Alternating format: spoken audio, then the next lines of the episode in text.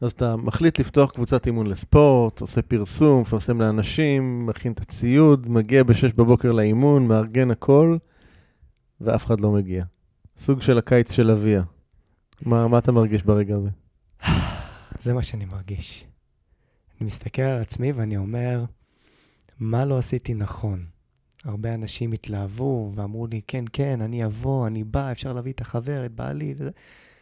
אני יושב שם על הסלע, יש לי תמונה שאני יושב על הסלע, ואני אומר לעצמי, או שזה קורה, או שאני פשוט אה, נוטש את הרעיון. לנטוש את הרעיון אין אפשרות, אין אופציה, אין דרך חזרה. ואני חושב שזה רק דרבן אותי יותר ויותר לראות את התמונה שאני רואה אותה היום. ומה קורה בבוקר למחרת? אתה מגיע שוב? שוב פעם, ושוב פעם, ושוב פעם, בניתוק מהתוצאות. ואנשים מגיעים? שלושה חודשים, אני מפזר קונוסים, תולה רצ... רצועות על העצים, מתכנן תוכניות, אני מגיע לפארק או לים, ואף אחד לא מגיע. שלושה חודשים. שלושה חודשים מגיע לאימון שלא קרה. אימון שלא קרה. זה נראה לי שם מעולה לפרק, אבל אחר כך אנחנו נראה. אז אנחנו הולכים לצלול את זה ממש עוד רגע.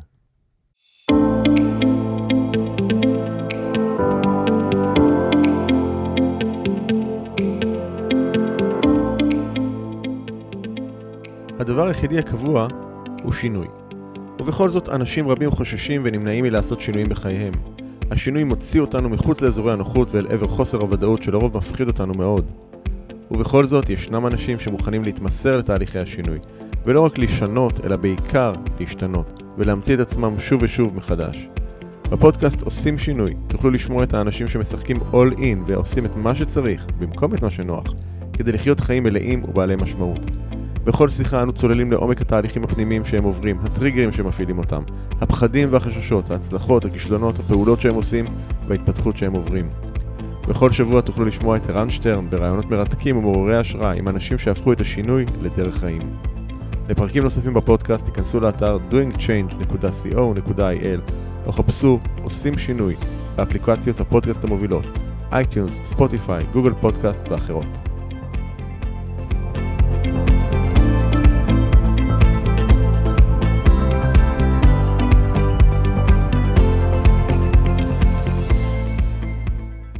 אז שלום לרונן דוידוב. שלום, ערן. אהלן, מאמן, מרצה בתחומי המוטיבציה ושינוי הרגלים לאורח חיים בריא ועד להגשמה עצמית בקריירה ופיתוח עסקי. אהלן. אהלן, אהלן, זה כיף להיות פה איתך. תודה, אז uh, שמח שאתה כאן. Uh, אז בואו ככה נשאל רגע, מי זה, מי זה רונן? מי זה רונן היום? רונן, רונן זה איש של אנשים, זה, זה תלמיד. זה אחד שאוהב ללמוד uh, לעצמו, להעשרה של החיים שלו. ואוהב להעביר את המסר הלאה, וזה לחיות אנשים. מעבר לעיסוק המקצועי שלי, זה להבין שאנחנו בעולם לא לבד, והדרך לעזור לאנשים אה, זאת הדרך של הצמיחה שלנו, ההתפתחות האישית שלנו. אז רונן אה, עוסק באימון גופני, משם הכל התחיל, בגיל מאוד מאוד צעיר. ולאט לאט התחלתי להבין שכדי להגיע לאנשים בצד הפיזי, כמאמן, אתה חייב להבין עקרונות uh, מנטלי. אתה חייב להבין איך אנשים חושבים, איך אנשים מרגישים, כי משם בעצם הם uh, מתנהגים.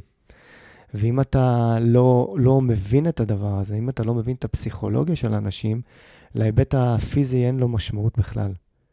אז uh, אני חי את האנשים. אז פתחנו קצת עם, עם, ככה, עם תחילת הדרך שלך, וסיפרת קצת על, ה, על האימון שלא קרה, שלושה חודשים, אבל בוא נלך ככה, לפני שנגיע לשם, בוא נלך טיפה עוד יותר אחורה, בסדר? Okay. אוקיי. אני, אני הרבה פעמים אוהב להתחיל עם אנשים קצת, אה, מה שנקרא, בילדות שלהם. אז איך, איך הייתה הילדות שלך?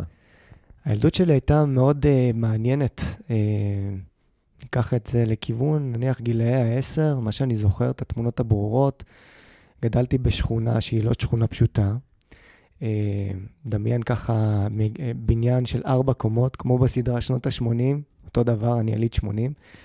בקומה הראשונה מכון לגמילה מסמים, וכל מה שאני רואה כשאני יוצא החוצה לבלות עם החברים על הפיסת דשא מתחת לבניין, זה אנשים שנכנסים ויוצאים.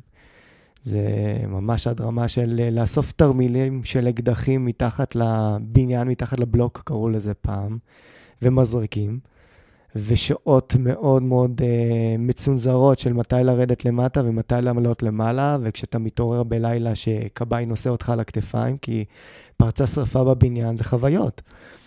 חוויות uh, שהיום אני חושב שהם עיצבו אותי ובנו אותי, אבל זה רק היום, אחרי 30 ומשהו שנה. Uh, אז זו ילדות מאוד מאוד מעניינת. מאוד מאתגרת. ומה, אתה סיפרת לי שבגיל 10 ההורים שאלו אותך איזה חוג אתה רוצה. כן, אז אה, מי שמכיר אותי מהילדות, אה, ככה עיניים מלוכסנות עם אה, תספורת של ברוסלי. מי שמכיר אותי היום רואה שיש לי תספורת של סטיב וסיגל. כל מה שרציתי זה אומנת לחימה. אתה זוכר, פעם היו מותחים כבלים מבניין לבניין, זה היה הכבלים של פעם, וזה נכון. מה, ש... מה שראיתי, נכון. סרטי אומנת לחימה. ובבית, אימא קוראת לי רוני עד היום, היא אומרת לי, רוני, איזה חוג אתה רוצה שנרשום אותך? אז אמרתי לה, אני רוצה קראטה, אני רוצה קונג פו. אומרת, לחימה. רשמו אותי לאורגן במשך חמש שנים. אורגן. כן. פח, פחות אומנות לחימה. ניגנתי על העצבים, אבל uh, אחרי תקופה די קצרה, uh, כשעברנו לעיר אחרת, uh, ההורים שלי רשמו אותי לקרא מגע, לבית ספר של עמי ניב בחדרה, ומש... ושם נשארתי. שם נשארתי. שנים ארוכות, אה, כמעט שלושה עשורים, שחייתי את עולם אמנויות הלחימה, ומהמזרון גיליתי הרבה דברים שהם מעבר לצד הגופני. כמו מה למשל? על יכולת להתמיד, היכולת uh, לנעוץ מטרה, ולא משנה מה יעצור אותך בדרך, ינסה לעצור אותך בכל אופן, אתה תשיג את המטרה הזאת, וזה כמו ריצה למרחקים ארוכים. להיות חגורה שחורה זה, זה דרך שאתה צריך לעבור בחיים. והרבה סיטואציות ינסו לעצור אותך במהלך.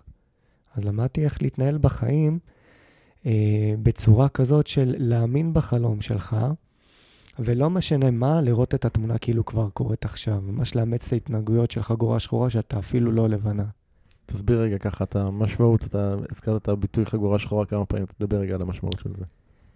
תראה, אה, כשאתה מתחיל להתאמן באומת לחימה, ואפשר גם בכל גיל, המטרה לעשות, להגיע לחגורה שחורה זה בעצם פסקת השאיפות של כל אדם שעוסק בתחום.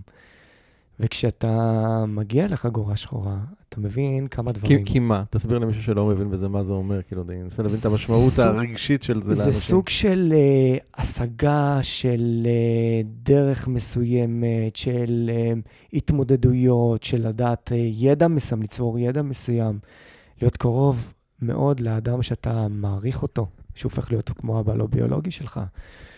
ו- ואז כשאתה מגיע למקום הזה, אתה מבין שחגורה היא רק תופסת את המכנס. ואתה מבין, אחת ההגדרות לחגורה שחורה, זה חגורה לבנה שמעולם לא הפסיק. okay. אוקיי. ובעצם הצבעים בעולם אומרת לחימה, אה, הם הופכים להיות יותר קהים עם השנים. כי בעצם זה מסלם, מסמל ותק. Okay. אוקיי. הזיעה שהצטברה לחגורה הלבנה. אוקיי, okay, מעניין. אז מתי אתה מגיע לחגורה השחורה? בגיל 26, ויום מרגש. זה, אפשר לומר, אחד הימים המרגשים בחיים שלי. ואתה יושב ככה על הברכיים עם עוד uh, שישה, אם אני זוכר נכון, חברים, וכל אחד עבר את המסע שלו, של שנים.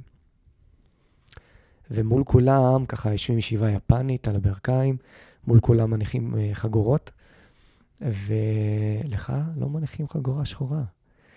וזה אחרי טקס מאוד מאוד, אה, אני משתמש במילה אגרסיבי, אבל זר לא יבין. אגרסיבי, פעם ראשונה, ערן, פעם ראשונה שההורים שלי באים לראות אותי באימון, אחרי כל השנים האלה, הם באים לראות אותי... מאיזה גיל התחלת להתאמן? טקס. בסביבות עשר וחצי. מ-10 וחצי עד 27, זה כן, פעם ראשונה שהם באים כן, לאימון? כן, ההורים שלי היו עסקים בלקלקל את הבית, בלחיות... אה, בכף. כן, ו... ואתה יושב שם, ואחרי שעברת טקס מאוד מאתגר, ואז המורה, ואומרת לכם, מה זה מורה? זה לא מאמן, זה שלב מיוחד. תסביר, תסביר את הניואנס למי שלא מבין. יש מדריך, יש עוזר מדריך, יש מאמן, יש עוזר מאמן, ויש מורה. מורה זה הרבה מעבר למאמן, זה אחד שצבר ניסיון בחיים, וצבר ידע בחיים, וצברנו תובנות בחיים, שהם הרבה מעבר אה, לעולם המזרון, לעולם הפיזי. ובעולם הספורט ההישגי, הרבה פעמים המאמן הופך להיות מורה, מורה לחיים. זה אדם שמוביל אותך בדרך למטרה שלך ועוטף אותך אה, בהרבה עולמות תוכן. הרבה מעבר לצד, נקרא לזה, הטכני של אה, לדעת לבצע תרגיל נגד אה, X, Y, Z. ואז אתה מגיע ליום הזה, אתה יושב על הברכיים, ואין לך חגורה, ומתחיל הטקס. ולאחרים יש. ולאחרים יש. מה אתה חושב אמא שלי יושבת בקהל ובוכה מהתרגשות, כי הבן שלה חטף uh, הרבה, וכל החברים שככה במהלך כל השנים הסתכלו, אמרו, עוד פעם החוג הזה? ואז המורה שלי ניגש לח... לתיק שלו, הוא מוציא את החגורה שלו, השחורה שלו, ושם לי אותה מול הברכיים. זה כמו שאתה מקבל את הכומתה של המ"מ. של הרמטכ"ל, בש... הרמטכ"ל, בשבילך. כן. אה, לך זה הרמטכ"ל, כאילו אין, אין... אה, ואתה פשוט מתחיל לבכות. וזה תחושות מעורבות של התרגשות, של שמחה, של... אי אפשר להסביר את זה באמת במילים, וזה אחרי שאתה מותש. זה שנתיים של תהליך, של מבחן ומסע, ואז הוא אומר לך, התחלת את כיתה א'. ואז אתה מבין שאנחנו אנחנו תלמידים. ברגע שאנחנו מבינים שאנחנו סוג של תלמידים נצחיים, אנחנו מקיפים את עצמנו בהרבה תוכן, בהרבה השראה. ואז, ואז המשימה, אני רואה אותה, להעביר אותה גם לאחרים. אמרת לי שגם ב... עוד בילדות שם, אחרי באיזה גיל 12, משהו כזה, אז uh, אתה בחוג והכל, אבל באיזשהו שלב להורים אין כסף לממן את זה יותר. כן, אה, ומצאתי דרך יצירתית, וההורים שלי, שיהיו בריאים, הם לא החסירו מאיתנו דבר, אבל uh, את הדבר שאני מאוד רציתי, זה שזה לא צעצועים ואופניים חדשות, רציתי להמשיך להתאמן. אז uh, החלטתי שאני, גדלנו בבניין של uh, עשר קומות, ושביום שישי אני מתחיל לערוב לכל השכנים שחוזרים ככה מהחצי יום עבודה שלהם ומהסידורים, ואני ניגש לשמוליק, לוועד בניין, ואני אומר לו, שמוליק, יש לי רעיון. ואני ילד. אני אומר לו, שמוליק... ילד באיזה גיל? גיל סביבות הגיל ה-12, כי התאמנתי, 12-13, התאמנתי שנתיים, שלוש, ואז אה, לצערנו הפסקנו, כי אבי פוטר מהעבודה שלו אז. אמרתי, שמוליק, אתה ועד הבית, בוא תעזור לי. אני מתחיל לשטוף מכוניות לכל הדיירים בבניין. ואני מדבר בשפה של, של הווה, כאילו, אני מתחיל, אני עושה, כאילו, לא משנה מה תאמר. כן. וכך יצא, ואמרתי, תשמע, לך אני שוטף את הרכב בחינם. ידעת, איפה מוקד הכוח, אה? אה? היום אני מבין שהבנתי שיווק. אה, המילה הכי חזקה בשיווק זה חינם. כן. ו... ותקשיב, ערן, אה, השתמשתי יותר מדי סבון. והאוטו היה אדום, זו הייתה פיאט אונו אדומה, די חדשה, ונוצרו לו כתמים של, צבעי, של הסבון, כי השארתי יותר מדי זמן. קיצור, אה, פיקששתי, והאיש הזה, איש מיוחד, אמר לי, לא נורא, עוד פעם, עוד פעם. וככה הגעתי למרבית מהדיירים בבניין, התחלתי לשדרג את עצמי, אם וקס זה עוד שני שקלים, והתחלתי לאסוף כסף, ולדעת לה, להבין שאוקיי, ההורים דואגים לי למחיה שלנו, לצ'ופרים הקטנים בחגים, או אחרי החגים, ואני דואג לעצמי, לחלומות שלי. והתחלתי להגיע ולשלם למורה שלי במעטפות, כמו שקוראים לזה. כן. אז כמה זמן זה נמשך ככה, העסק הראשון? אמ, זנחתי את העסק הראשון אה, די מהר, ש... שהקהל די מיצה את זה, והתחלתי להתרכז יותר בלימודים בשלב מסוים. ואז בתקופת התיכון אה, התחלתי לעבוד בתעשייה, כי יש רישיון נהיגה שאתה רוצה. עבדתי ערן בכל סוג עבודה אפשרית, אחרי שעות הלימודים, לפעמים זה לפני שנות הלימוד, שעות הלימודים, ותמיד נאחזתי בדברים שאני רוצה להשיג, לא בכמה קשה לי וכמה אי אפשר. וגם נחשפתי לעולמות אה, אה, ששמו אותו בפרופורציות. כאילו, ראיתי אנשים שהם קשי יום, עולים לעשות, כולם אה, מעושנים, והולכים לעבוד בפסי ייצור, ועובדים בשביל הלחם שלהם, ואני עובד בשביל החלום שלי, אה, להיות חגורה שחורה, ולימים זה גם כדי לעשות את התארים, את הלימודים המתקדמים. וזה לא לוותר, פשוט לא לוותר.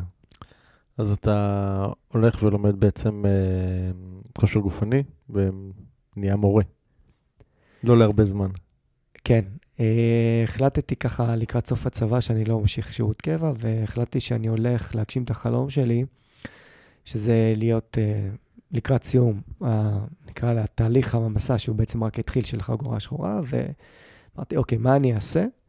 הכי קרוב לתחום אה, הספורט זה להיות מורה לחינוך גופני, וזה ללמוד לתואר ראשון לחינוך גופני, ו... ולהתקדם לכיוון היעד הזה.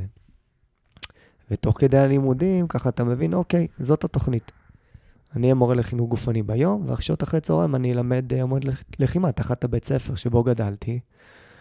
וככה היה, ואחרי שנה ראשונה להוראה, הבנתי שאני יכול אה, הרבה יותר. וזה היה די מפחיד, כי סוף סוף אני עובד במשרה, תשמע, מכובדת, משרד החינוך. לא עובד אה, עם קבלנים וקייטרינג וצובע ומפנה פסולת ושומר ועובד בפסי ייצור. אני עובד בעבודה מכובדת, מורה לחינוך גופני במשרד אה, ממשלתי, ואני פתאום ככה מוצא את עצמי, רגע, אבל אני יכול יותר, עם כל השליחות הגדולה שיש בדבר הזה. ואני מחליט להיות מאמן כושר בתקופה שמאמני כושר בישראל היו פה ושם בחדרי כושר, בכל מיני מועדונים שצמחו, זה היה סביב 2006-2007. ואני אומר, אוקיי, אני לא אהיה רק מאמן כושר, אני מאמן כושר אישי, שזה היה מושג שלא היה מוכר בתקופה ההיא. ואז אתה צריך אה, להתחיל להמציא את עצמך מחדש, ולעזור את האזור הבטוח, להיות uh, שכיר, להיות אחד שעובד uh, במקום שיש בו פנסיה, וכל הסיפורים שמספרים לך אנשים שמחפשים מקום בטוח, אז אני החלטתי לשרוף את הספינות, מה שנקרא, ו- ולכבוש את האי.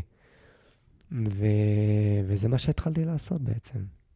ואז אתה מתחיל uh, לאמן, מה, פרט, כאילו, אז אתה, איך זה נראה? האבולוציה מבחינתי הייתה כזו, אני מתחיל לעבוד בחדר כושר, בחדר כושר, uh, מתחיל לעבוד במשמרות, התחלתי לעשות uh, משמרות כמעט כל יום, כל היום. ו...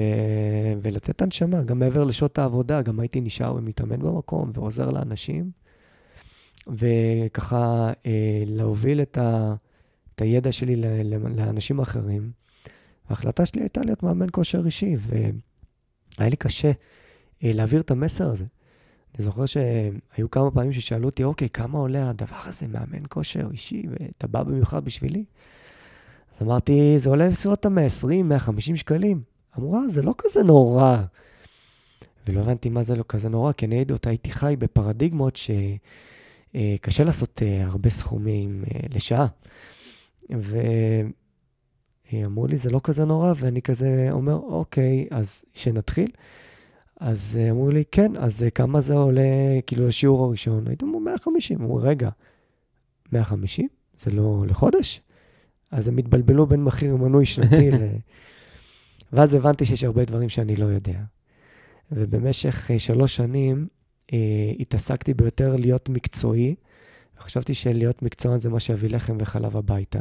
מקצועי ב- ב- בתחום של האימון, אני מניח. כן, וכבר uh, חשבתי ללמוד uh, תואר שני, ואספתי תעודות יותר מאשר קירות, ומשהו לא הסתדר לי, רן. משהו לא הסתדר לי. חשבתי שאם אני אהיה באמת מקצוען, ואני אבין תזונה ופציעות ספורט ופיזיולוגיה ואנטומיה וכל העולם הזה, יעזור לי באמת להגיע לאנשים ולהציע את השירות שלי.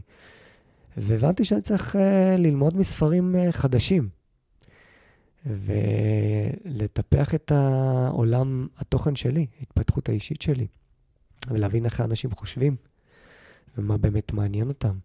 ו... והבנתי שאנשים, uh, הם uh, מחפשים את מה שהם רוצים, לא מה שהם צריכים. כי אם אנשים היו עושים את מה שהם צריכים, שזה לעשות ספורט, לאכול בריא ולנטרל לחצים, העולם היה מופלא. כן. כן. והתחלתי ללמוד מספרים חדשים, ובשלוש שנים האחרונות, השלוש שנים הראשונות בחדר כושר, אני הבנתי שאתה צריך לעבוד על עצמך לפני שאתה עובד עם אחרים.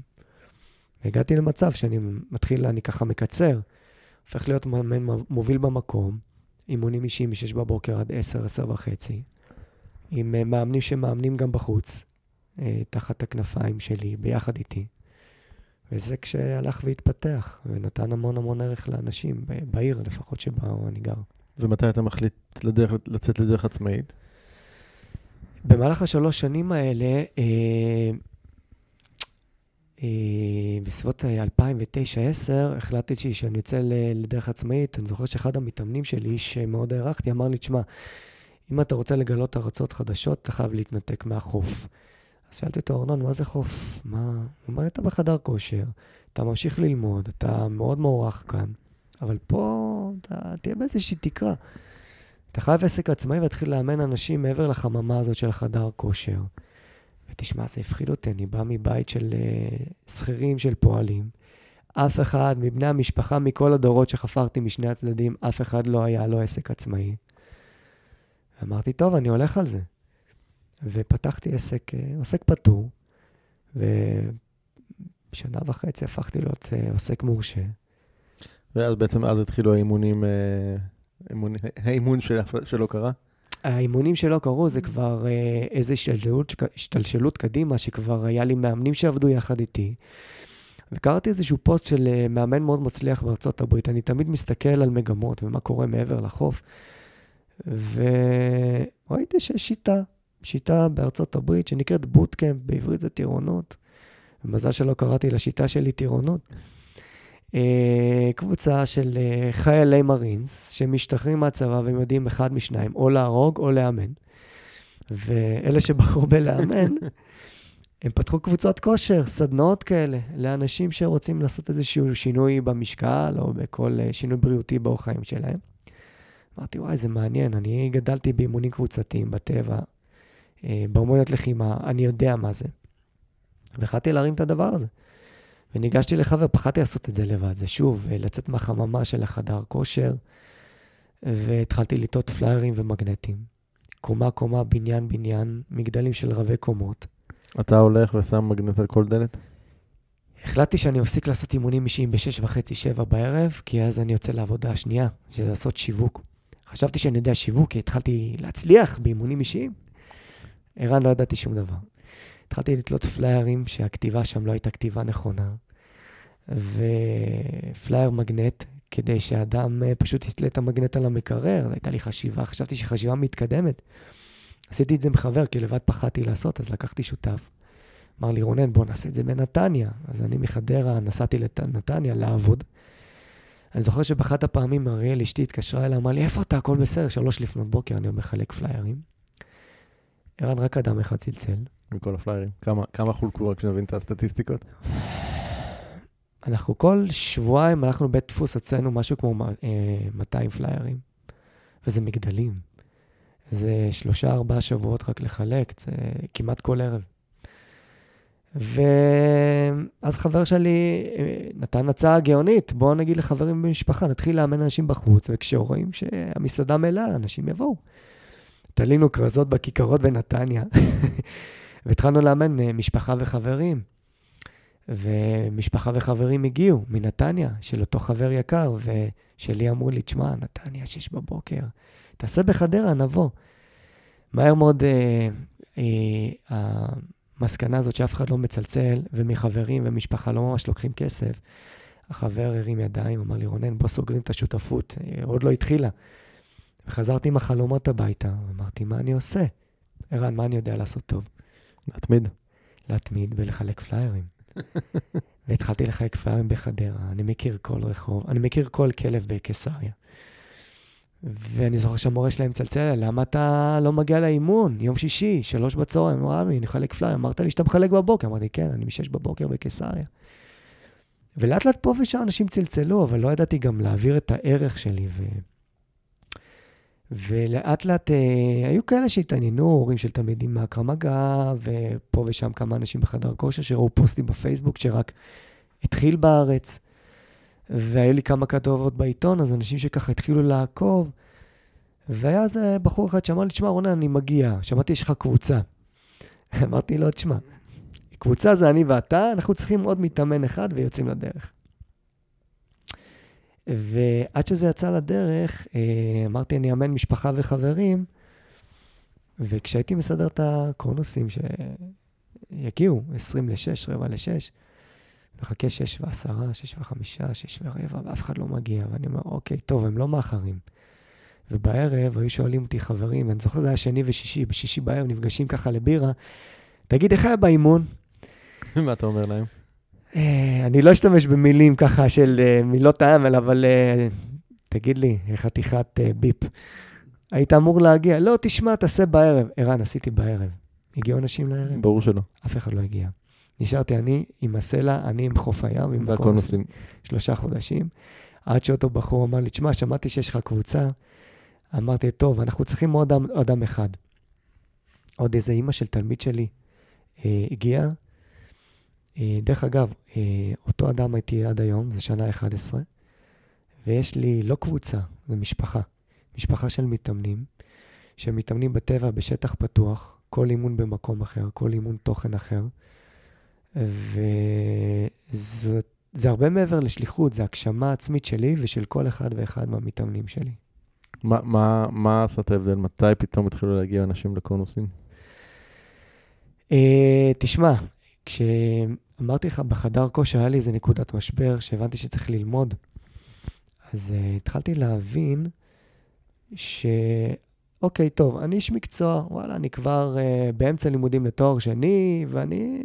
כנראה שאני יודע לעבוד עם אנשים בפן המקצועי כמאמן, אבל אני לא באמת באמת יודע שיווק, אני לא באמת יודע מכירה, אני לא באמת יודע לבנות איזושהי אסטרטגיה ואיזושהי תוכנית, אה, נקרא לזה תוכנית עסקית, התוכנית לחלומות שלי.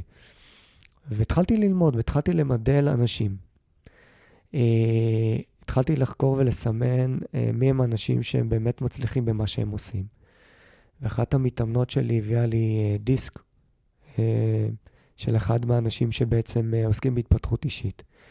ובדיסק הזה היה אוסף של הקלטות של וובינארים, והשם שלך הופיע שם.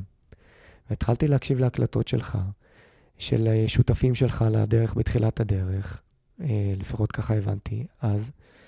התחלתי לסמן מה עובד ומה לא עובד. וכשאני אומר שאני תלמיד, התחלתי לחפש גם מה הם למדו וממי הם למדו, ואז לא היה לי סכומים ללכת ללמוד מהטובים בעולם, ואני חושב שאחד הנכסים הכי יקרים שלנו זה ספרים. אה, אתה יודע מה זה, יש אנשים שלא זוכרים מה זה, זה ככה מבנה מרובע קשיח, כן. שעשוי מעץ. עם, עם הרבה דפים. עם הרבה דפים. יש אנשים היום שהם מחפשים את הקצר. ככל שהספר יותר עבה, אני מתרגש יותר. התחלתי ללמוד ו... ולסמן, אוקיי, מה אני יכול לקחת מכל אחד? וזה פשוט מדהים. כשאתה עושה את הפעולות הנכונות, שפע מתחיל להגיע. ואנשים התחילו להגיע, ולאט לאט הבנתי שאני יכול להעביר את הידע הזה הלאה, גם לעולם המאמנים. וזאת הדרך, זאת הדרך. בכל התקופה הזאת, עוד שאתה יודע שהקבוצות עוד ריקות וזה, מה, כאילו איך הסביבה מגיבה אליך, כאילו רואה אותך הולך uh, שלושה חודשים, uh, פעם אחר פעם, uh, כשאף אחד לא מגיע. רונן, עבודה של מאמן כושר זה לא עבודה רצינית, תחזור למשרד החינוך. Uh, רונן... מי, מי אומר לך את זה? תשמע, האנשים הכי קרובים לך, אליך, זה יכול להיות מהמשפחה, בבית, זה יכול להיות uh, חברים מאוד מאוד טובים. זה יכול להיות קולגות, שגם הם נמצאים באיזושהי ביצה ולא עובר להם, ואמרו לי, תשמע, זה, לא, זה לא עבודה אמיתית. אמרתי, אוקיי, אז אני אהפוך את זה לעבודה אמיתית. וערן, תשמע, זה בתקופה אה, 2009-2010, מרתון תל אביב לא היה קיים. אנשים לא ידעו מה זה להתאמן בחוץ, זה לא היה קבוצות ריצה. כן. זה לא, זה לא הסיטואציה של היום שאתה... אתה נוסע ברכב, אתה, אתה דורס קבוצת ריצה או קבוצת אופניים בטעות. ועכשיו שהקורונה ככה הגבירה את הדבר הזה, ו... אבל uh, וולט דיסני אמר, אם אתה יכול לחלום את זה, אתה יכול לעשות את זה. לא נתקלתי במשפט הזה, פשוט חוויתי אותו. אמרתי, אוקיי, זה ה-no sayers, זה כל אלה שאומרים לך מה לא. אני חיפשתי מה כן. ומה כן, אני תמיד רואה את התמונה, אני מדמיין. כשישבתי שם על הסלע הזה, מול חוף הים, לא התעסקתי ב"אוי, לא הגיעו מתאמנים". חיפשתי תמיד uh, את הדרך איך. וכל הזמן דמיינתי, פה אני אעשה תרגיל כזה, אני אשלח את החבר'ה לשם, קבוצה אחרת תרוץ במים וקבוצה אחרת תזחל על החוף. ולא עלו אלה מחשבות, של מי ישלם לי, אני התעסקתי בדמיון שלי, איך אני אביא את האנשים שבאמת זה מה שיאתגר אותם. ו... ולא הייתה לי, לא היה לי פלן B, היה לי רק פלן A. אין, אין פלן B. כשיש לך פלן B, אתה מוריד מהאנרגיה של פלן A. תהיה לי תוכנית אחת, תהיה לי קבוצת כושר עם אנשים שיתמידו וילכו עם השיגעונות שלי לכל מקום שאני אקח אותם. הם ירוצו ב- בלילה עם ירח מלא ביער, וזה עשו את הריצה הראשונה שלהם, פעם ראשונה בחיים במרחק נתון, וזה קרה. אחרי שנתיים זה קרה. והחלטתי להקשיב רק לעצמי. ואת כל אלה שאמרו לי, לא, תשמע, שמעת פעם על משל הסרטנים? ברור. אז זהו, אז אה, משל הסרטנים ב... הוא מוזכר, אם זה, אם זה מה שאתה מתכוון, אז הוא מוזכר בספר בלהגשים. זהו, אז אה, אה, שהדייג תופס כל פעם סרטן, ואז לאט לאט הדלי מתמלא בסרטנים. יש תמיד את הנחוש הזה, שאומר, אני יוצא מפה אחרת, הוא או יבשל אותנו, יזרוק אותה לאנשהו. ויש כאלה שמטפסים על גבם של אחרים, ויש כאלה ששולחים איזה שהוק כזה, ותופסים את הדלי, וכל מי, מי שמושך אותו למטה, מי? האנשים הכי קרובים, רוצים לגונן עליו, על הסרטן הזה. אז אני החלטתי לא להסתכל לאחור, להסתכל תמיד קדימה, ויצאתי מהדלי הזה.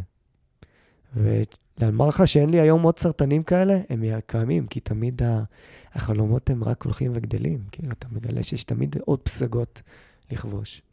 ומה עוזר לך ברגעים המאתגרים האלה, ב... זאת אומרת, מעבר, אוקיי, יש לך את החזון וזה אחלה, אבל בפועל, אתה יודע, המציאות אה, מדברת אחרת. מה מחזיק אותך שם? מה, מה מאפשר לך לבוא עוד פעם ועוד פעם ועוד פעם? תראה, אה, כשהתחלנו את השיחה דיברנו על, ה, על הדרך באומות לחימה. באומות לחימה, אה, הרבה שיטות נקרות בשם שלהם, ובסוף זה מסתיים במילה דו. דו זה דרך ביפנית, טאו בסינית. יש לזה משמעות שהיא רוחנית, ודרך אה, היא לא תמיד אה, רצופה בהצלחות. אני באתי מעולם החשמל, הנדסי חשמל. עשיתי כמה תעודות ככה לבית. ויש גל שנקרא גל סינוס, זה גל עולה וגל יורד. אין גל אחד. מחזור זה הצטרפות של שני גלים, אחד מעל ואחד מתחת לקו.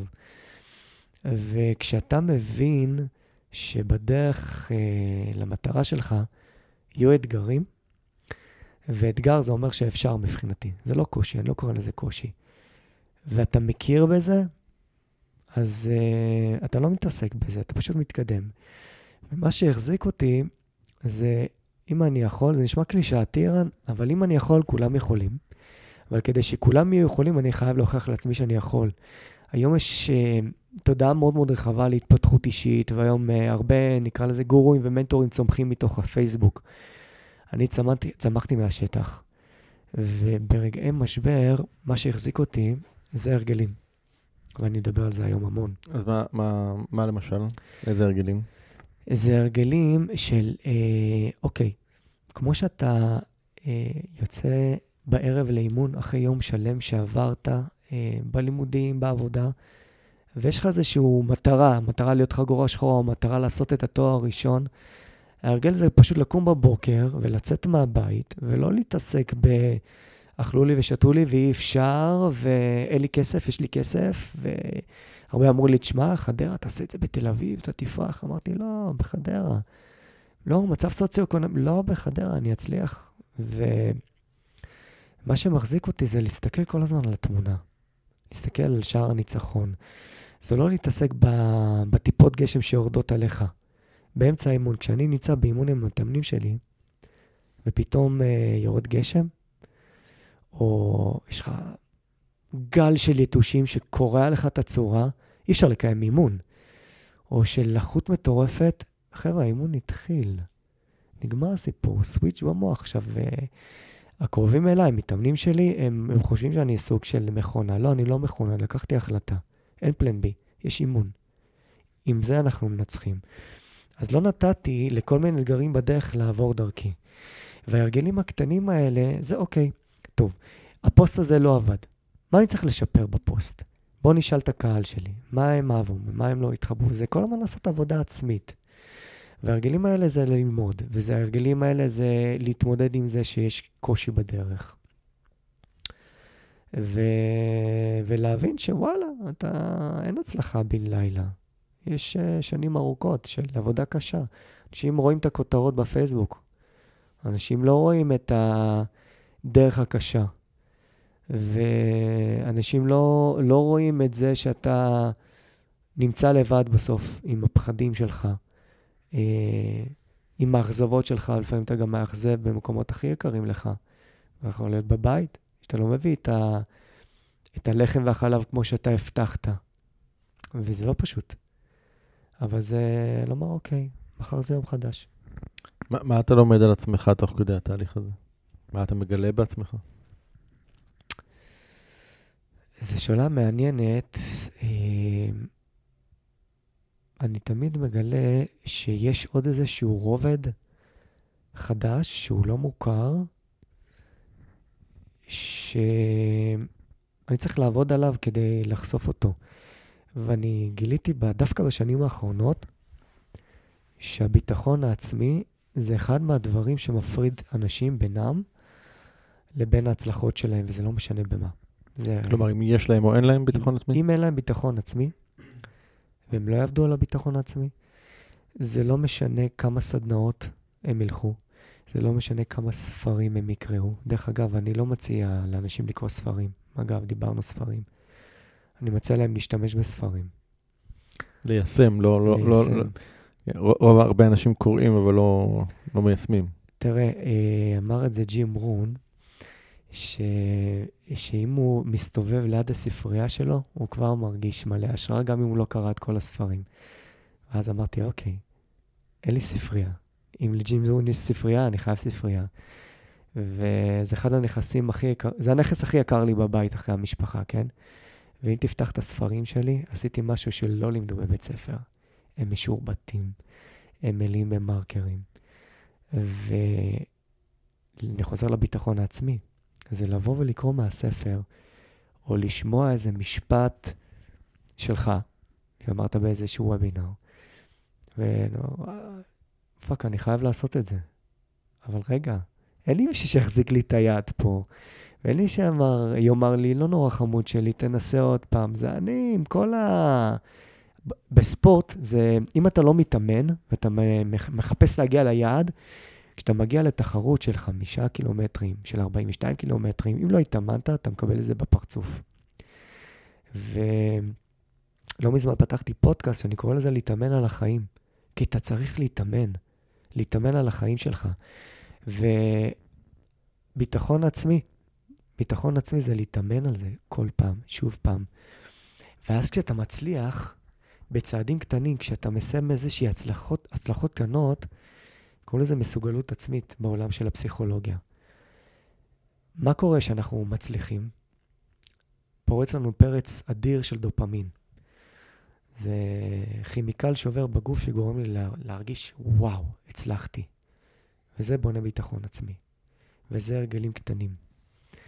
וזה לא משנה כמה אנשים יסתובבו בין סדנאות ויקראו ספרים, אם הם לא יצרו לעצמם הצלחות קטנות, פרצי דופמין קטנים, הם לא ישיגו שום דבר. אז אני למדתי, שלמדתי איך, לפ... איך לפתח ביטחון עצמי שישרת אותי במשמעת העצמית שלי, ולפתח את יכולת ההתמדה. מי, מי או מה עוד, עוד עזרו לך בתהליכים, בתהליכי השינוי שעברת? תראה, אם אתה, אה, אם אדם חושב שהוא יצליח לבד, אז יש לו טעות. בודדים מאוד, יחידי סגולה, הם אה, מצליחים לבד. הרב קרליבך אמר שכל ילד צריך מבוגר אחד שיאמין בו. אני חושב שכל אדם צריך אדם אחר שיאמין בו. זה יכול להיות אני, שהורי, הבן שלי, הבכור, מאמין בי. זה לא חייב להיות מבוגר כן. או מורה. אתה יודע, זה, זה, זה מעניין שאתה אומר את זה כשאני אני, אני חובב ביוגרפיות. אה, אה, ובעיקר, אתה יודע, של אנשים שמעניינים אותי, אנשים שהם עשו דברים, ואתה יודע, עשו דברים משמעותיים. ו... יש באמת מכנה יש כמה מכנים משותפים לכולם שאפשר ככה די בקלות לראות, אבל uh, העניין הזה של באמת של לא להיות לבד, זאת אומרת, uh, כולם בצורה כזו או אחרת, קודם כל, ברור שנעזרים באחרים או זה, אבל גם תמיד היה להם איזה מישהו ש... Uh, או חנך אותם, או קיבלו ממנו השראה, או נעזרו בו באיזושהי צורה, זאת אומרת, דיברת על, ה, על הרעיון של מורה, כן? זה משהו שאני חושב שהוא מאוד... מכנה משותף מאוד מאוד ברור שאפשר לראות אה, אצל הרבה הרבה מאוד אנשים כאלה. תראה, אנשים מנסים להשיג את המטרות שלהם, את החלומות שלהם לבד. למה אמרתי שזה לא הולך? כי זו דרך שצריך לעבור אותה, ואני אשתמש במונח שיש אנשים שירימו גבה, אבל זה טוב לחפש קיצורי דרך. לאתר מישהו, אני רואה מורה, זה אדם ש, שהשיג את מה שאתה רוצה להשיג, והוא השיג תוצאות, תוצאות חיוביות לצורך העניין. וגם בדרך הוא עבר uh, תוצאות שליליות, ומזה, אני הרבה פעמים שאני, לא מזמן ראיינתי אחד האנשים החזקים, אני חושב, בישראל, ואחת השאלות הראשונות שלי uh, אליו היה, בוא תספר לי על אחת השגיאות הכי גדולות שלך ומה למדת. בוא, בוא נלמד מהשגיאות. ואנשים מחפשים את הנוצץ. לא, אני מחפש לפעמים גם את האפל ואת החשוך, כי משם אנחנו צומחים. אתן לך דוגמה, אה, באחת הריצות הכנה שלי למרתון הראשון, נתקלתי בגוש, אה, נקרא לזה צואה, של אה, בהמה. סליחה על התיאור, כן? אבל זה חתיכת חבילה הייתה שם. וזה שביל שאני עובר בו מדי שבת, בריצות הארוכות. אתה יודע מה גיליתי, ערן? נו.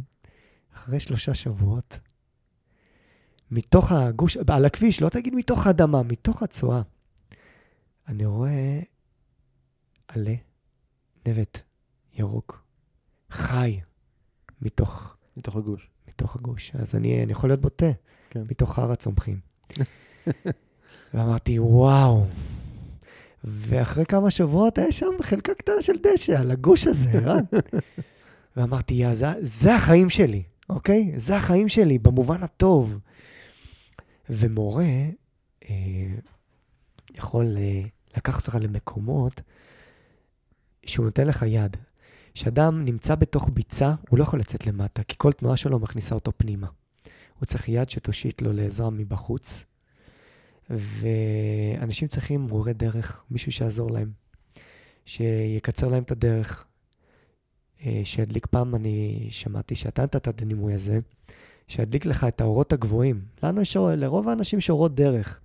מישהו שהיה שם, שנותן לך את ה-100 מטרים, לא את ה-60 מטרים, 30 מטרים שיש לך. אז התחלתי לאסוף, לאסוף ידע מאנשים בארץ, בעולם, מספרים ופודקאסטים. אני לומד כל רגע נתון.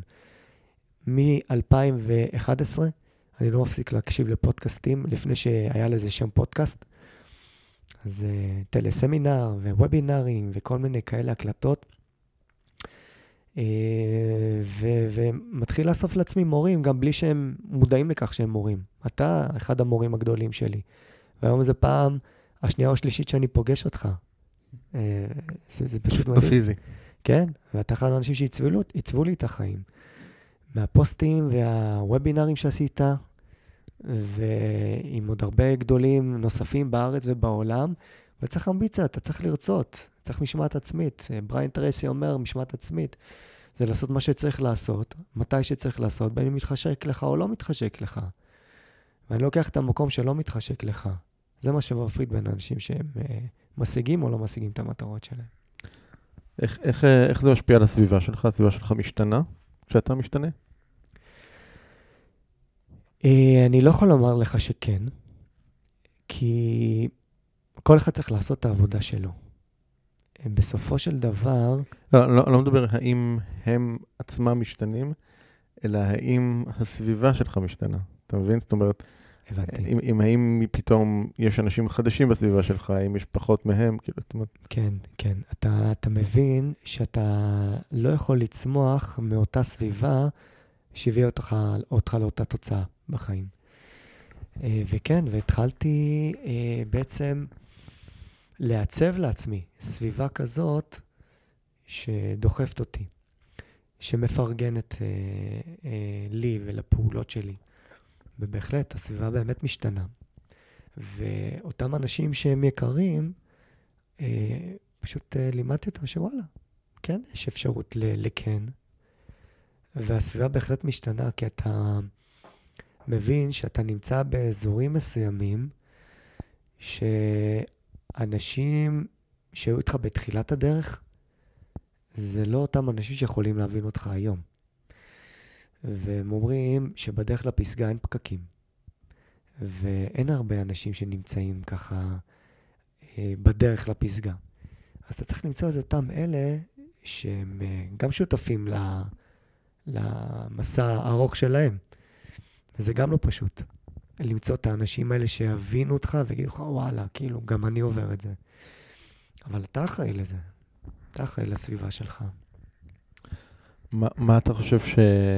שאנשים לא מבינים לגביך? לגביי כאדם, כן. נגיד שמישהו מסתכל מבחוץ ו... ורואה את הדברים שעשית ואת המקומות שהגעת אליהם, ומה מה הוא לא מבין?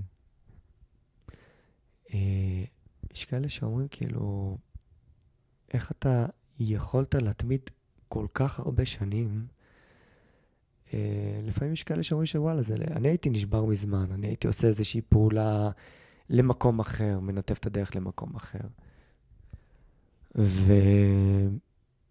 והרבה פעמים אנשים לא, לא מצליחים להבין שוואלה, צריך לדעת להתמודד עם קשיים בחיים. ואנשים שמסתכלים עליי, זה, אתה יודע, לפעמים ככה פוסטים, ואומרים, וואלה, כאילו, יפה, הולך לו לבן אדם. הם לא מצליחים להבין שזה לא... בסופו של דבר, בעוגה יש דובדבן, אחד. אבל uh, צריך לה, להפות את כל העוגה הזאת ולאסוף את כל המצרכים. ולעמול על המתכון הזה, והמתכון אף פעם לא עובד בפעם הראשונה. אנשים לא מבינים, אם אני אסתכל על אנשים שאני עוזר להם בתהליכים, הם לא מבינים שהם צריכים ל- לעבור את הדרך הזאת. וכשאני זורק להם איזה משפט שיכול לשנות להם את החיים, כנראה, בשנייה, הם לא מבינים שמאחורי המשפט הזה יש הרבה. ואנשים לא מבינים את עצמם, אני חושב. אני, את האמת, ערן, אני הפסקתי לחשוב מה אנשים חושבים עליי. מתי? זה נשמע... מתי? באיזה שלב זה קרה? זה נשמע אולי לא טוב. לא, לא, זה מעולה. באיזה שלב זה קרה? אתה יודע להגיד את הנקודה שבה יכול, זה קרה? אני, אני יכול לומר לך, זה נשמע קלישאתי. לפני שנה ושבוע. לפני שנה ושבוע. כן, מה קרה שם? שבוע ויום. שנה, שבוע ויום, אוקיי. גיל 40, ערן, גיל 40. אה, משבר גיל, בגיל 40. ואתה יודע, אה, עד היום אנחנו כותבים פוסט על כל דבר, על כל מאורע, ככה אנחנו מביאים את האמת שלנו לעולם. אמ, או את האמת או את הפייק אמת. כן, כן. לצערנו היום אתה כבר... תלוי מה אתה רוצה לפרסם בפייקבוק. אוי, כן. אנשים שצומחים מתוך המדיות החברתיות זה... ורציתי לכתוב פוסט, ערן, אה, על משבר גיל 40 שלי, אתה יודע, יש, יש מה- עוצמה, מה קרה בו? יש עוצמה ב, בלהפגין איזושהי פגיעות רגשית. הרבה אומץ, כן. כן. יש- ברנה בראון אומרת ש- כן, שאומץ זה זה להיות בפגיעות בלי להיות, אה, בלי שיש לך שליטה על התוצאה. כן, זהו, זה... ואני חושב שקרוב לקראת גיל 40 בתהליך הזה, אה, אתה יודע, אתה מסתכל אחורה, ו- ואני לא יודע למה, אני אף פעם לא חשבתי על משבר גיל ה-40, כן? אבל אתה יודע שלקראת יום הולדת, אומרים, או, וואי, בן 40, אני לא מאמין, לא מאמינה. אז כאילו, אתה נכנס לך כל הסיפורים האלה של גיל 40, אה, אני צריך לעבור עכשיו משבר. אוקיי. וקראתי לפוסט מגבר גיל 40. ולא כתבתי אותו. לא כתבת. לא כתבתי אותו. לא כתבת או לא לא- פרסמת? לא כתב... התחלתי לכתוב אותו, לא פרסמתי, אבל כתבתי אותו לפני כמה חודשים טובים, ואני חושב שזה הפוסט הכי ויראלי שלי, מאנשים שאני לא מכיר, כי הפגנתי שם פגיעות רגשית ברמה מטורפת. ו... והנקודה שהייתי שם, אמרתי, רגע, כאילו, זאת הדרך שאני עברתי, ולא אכפת לי מה אנשים ירגישו ומה אנשים יחשבו, ואני שם את כל המקומות שהתביישתי בהם, שהיום אני גאה בהם, על השולחן, מה שנקרא, הפוסט מונח על השולחן, ואני אומר, זה לא, לא משבר, זה מגבר גיל 40. וכדי להגיע לנקודה שבה אתה מגשים כל מיני חלומות קטנים וגדולים, אתה אומר כאילו, וואלה, זה, זה לשים את עצמך בפרונט. אתה יודע, היום אנשים מראים את, ה, את כל הנוצץ שלהם וכל ה... כן. אני אומר, תראה מי אתה באמת. כשאתה רץ בגשם, הגיש, התיק שלך נפתח מול שער מכון וינגייט, וכולם מסתכלים עליך באוטו של ה... הנוצץ של אבא, ואתה בדרך לעבודה כדי לממן את הלימודים האלה, אתה אומר, וואלה, יום אחד אני אחזור לפה כמרצה, עם רכב מניילונים, אז אני לא בא ומראה את הרכב מניילונים. אני בא ומספר את הסיפור של זה ש... שעומד בגשם, ואומר, לא, אני, אני אבוא ואני אהיה פה עם בגדים ועם ריח של בושם. ו... ואת זה אני שם. וכשאני שם את זה, ממש לא אכפת לי מה אנשים חושבים. אם, אה, אם היית מתחיל הכל מההתחלה, היית עושה משהו שונה? לא. כלום? כלום. מה היית אומר נגיד ל- לרונן של גיל 18, שככה מתחיל את דרכו בעולם? תמשיך, אתה בכיוון הנכון. כן. תראה, שמת לב למהירות התשובה שלי? מאוד.